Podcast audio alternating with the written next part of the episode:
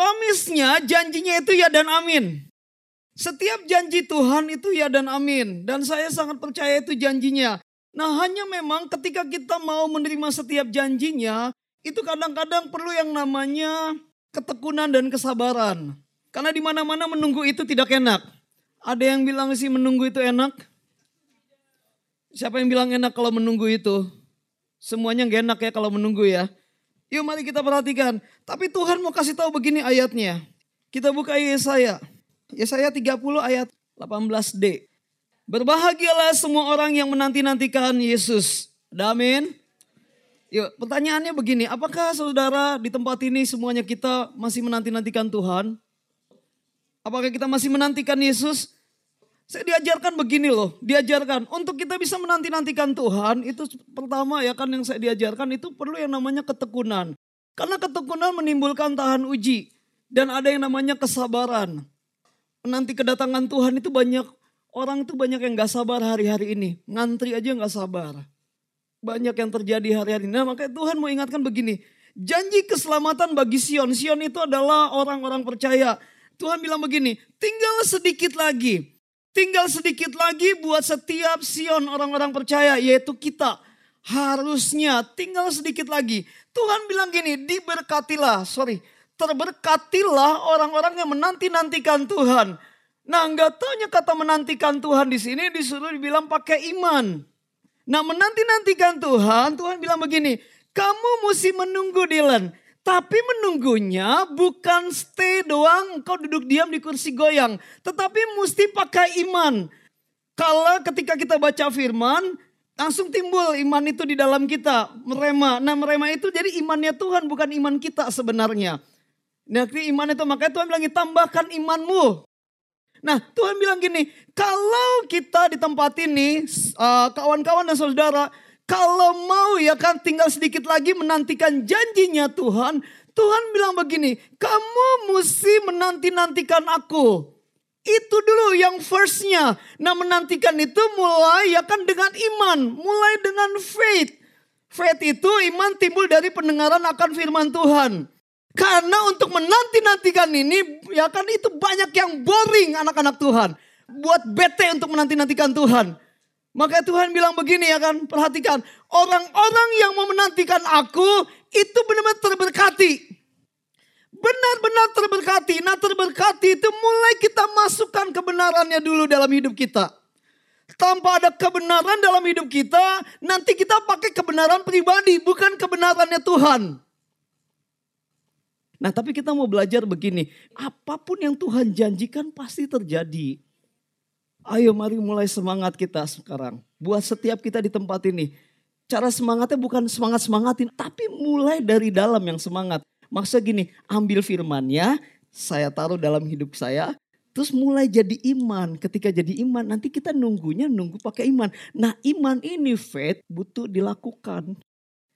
Perhatikan, buat kawan-kawan yang sudah mulai tidak menanti-nantikan Tuhan pakai iman.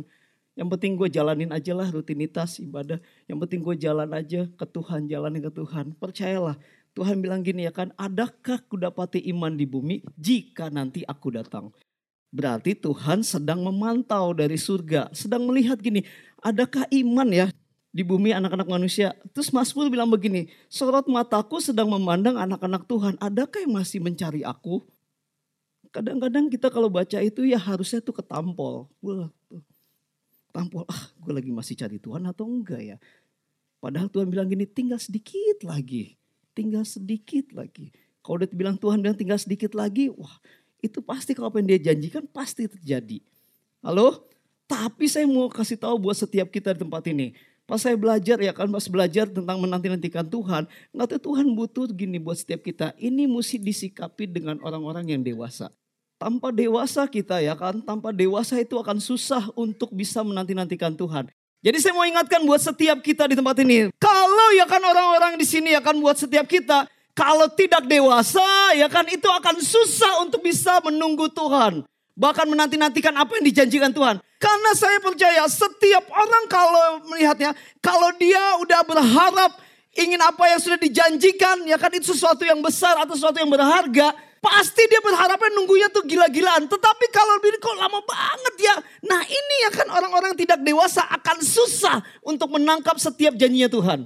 Orang-orang yang tidak dewasa akan susah untuk menangkap setiap apa yang dijanjikan Tuhan. Tolong perhatikan buat setiap kita. Itu dia sedang bergerak, sedang bergerak, sedang bergerak. Orang misalnya tadi ya kan, apa namanya jantung aja kita harusnya kalau kita dengan Tuhan menantikan.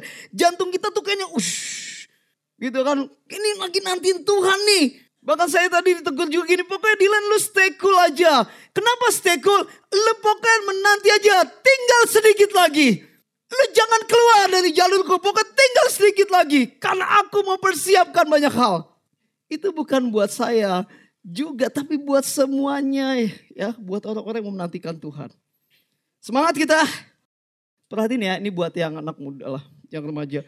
Ya kan kalau ngasal-ngasalan gitu ya kan.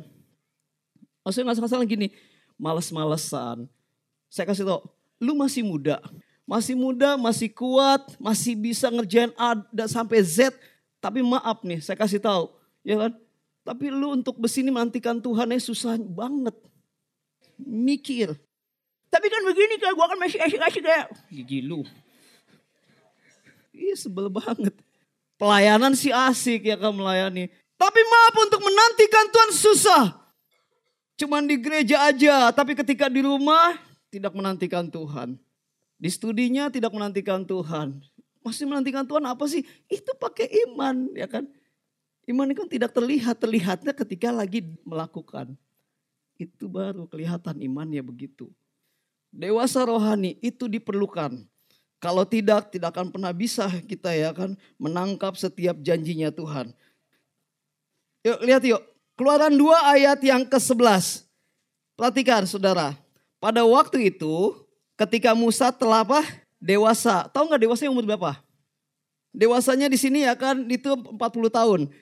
Musa keluar mendapatkan saudara-saudaranya untuk apa? Melihat kerja paksa mereka. Jadi Musa tahu tuh umur ya kan pas setelah disapi ya kan dari dari maknya, terus dia dibalikin ke putri Firaun. Nah terus dia dilatih banyak situ kan sampai dia jadi apa namanya uh, istilahnya orang terhormat gitu Musa. Nah ketika dewasa umur 40 tahun dia keluar dia lihat saudara-saudaranya lagi kerja paksa dan dia lihat sendiri. Lihat ini ya. Terus gini, lalu dilihatnya lah seorang Mesir memukul seorang Ibrani. Maksudnya ada Mesir tentara itu mukul orang-orangnya Musa. Seorang dari saudaranya itu. Terus Musa lihat nih, lihat nih.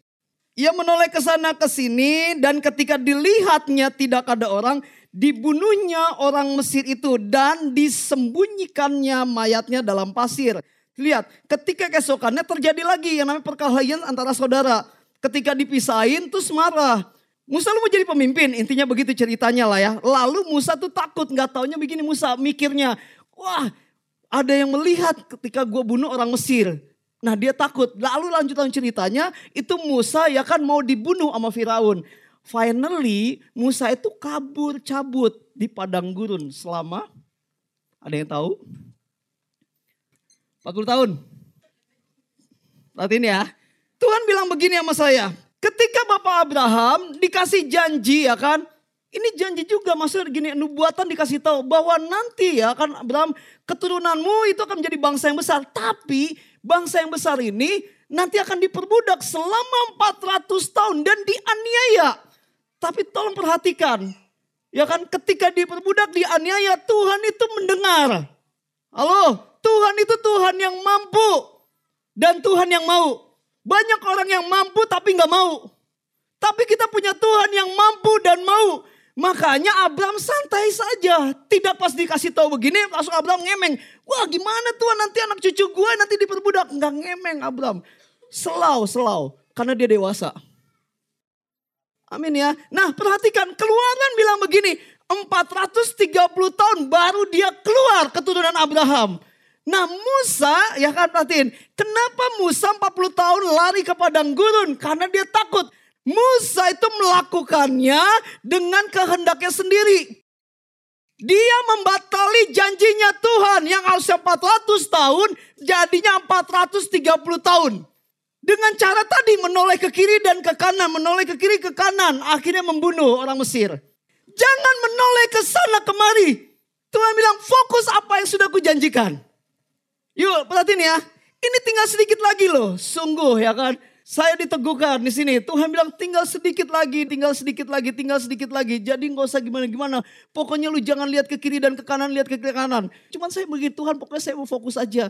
Maka Tuhan bilang begini, persiapkan. Nah Musa ini membatalkan janjinya Tuhan. Pakai kekuatan pribadinya. Kisah para Rasul 7 ayat 22.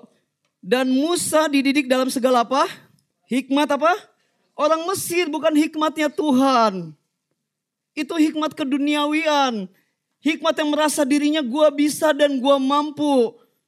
Padahal itu Tuhan yang bisa, kita tuh nggak bisa. Makanya kalau ada kata movement, perhatiin deh saudara. Ada kata movement itu bergerak. Bergerak terus gini, kita yang kecil diterobos sama yang besar. Itu movement. Kalau kita yang besar diterobos sama yang besar, nggak mungkin Tuhan, ah udah besar. Gue perlu yang kecil, makanya diterobos sama yang besar. Yuk lihat ya. Dan Musa dididik dalam segala hikmat orang Mesir. Dan ia, lihat ya. Dan ia berkuasa dalam apa? Perkataan dan perbuatannya. Provok banget nih orang. Sempurna. Dia berkuasa perkataannya dan melakukannya. Terus punya hikmat. Karena zaman itu Mesir adalah yang paling apa namanya yang paling terkenal lah zaman itu.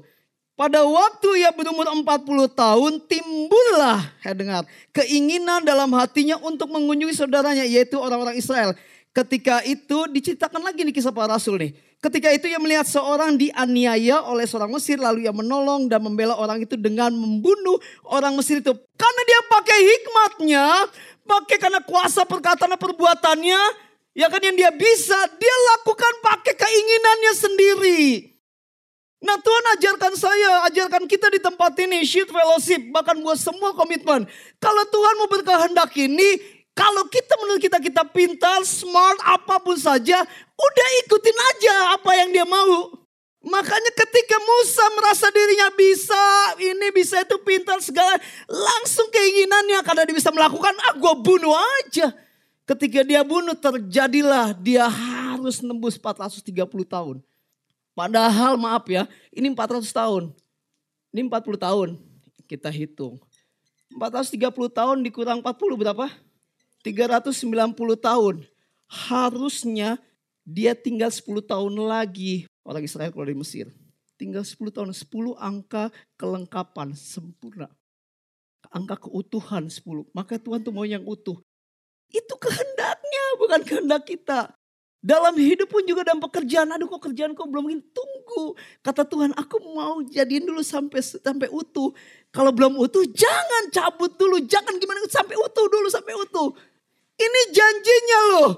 Harusnya ya kan Musa itu sudah Tuhan kasih akan tinggal 10 tahun lagi engkau bawa keluar itu orang Israel melalui Mesir.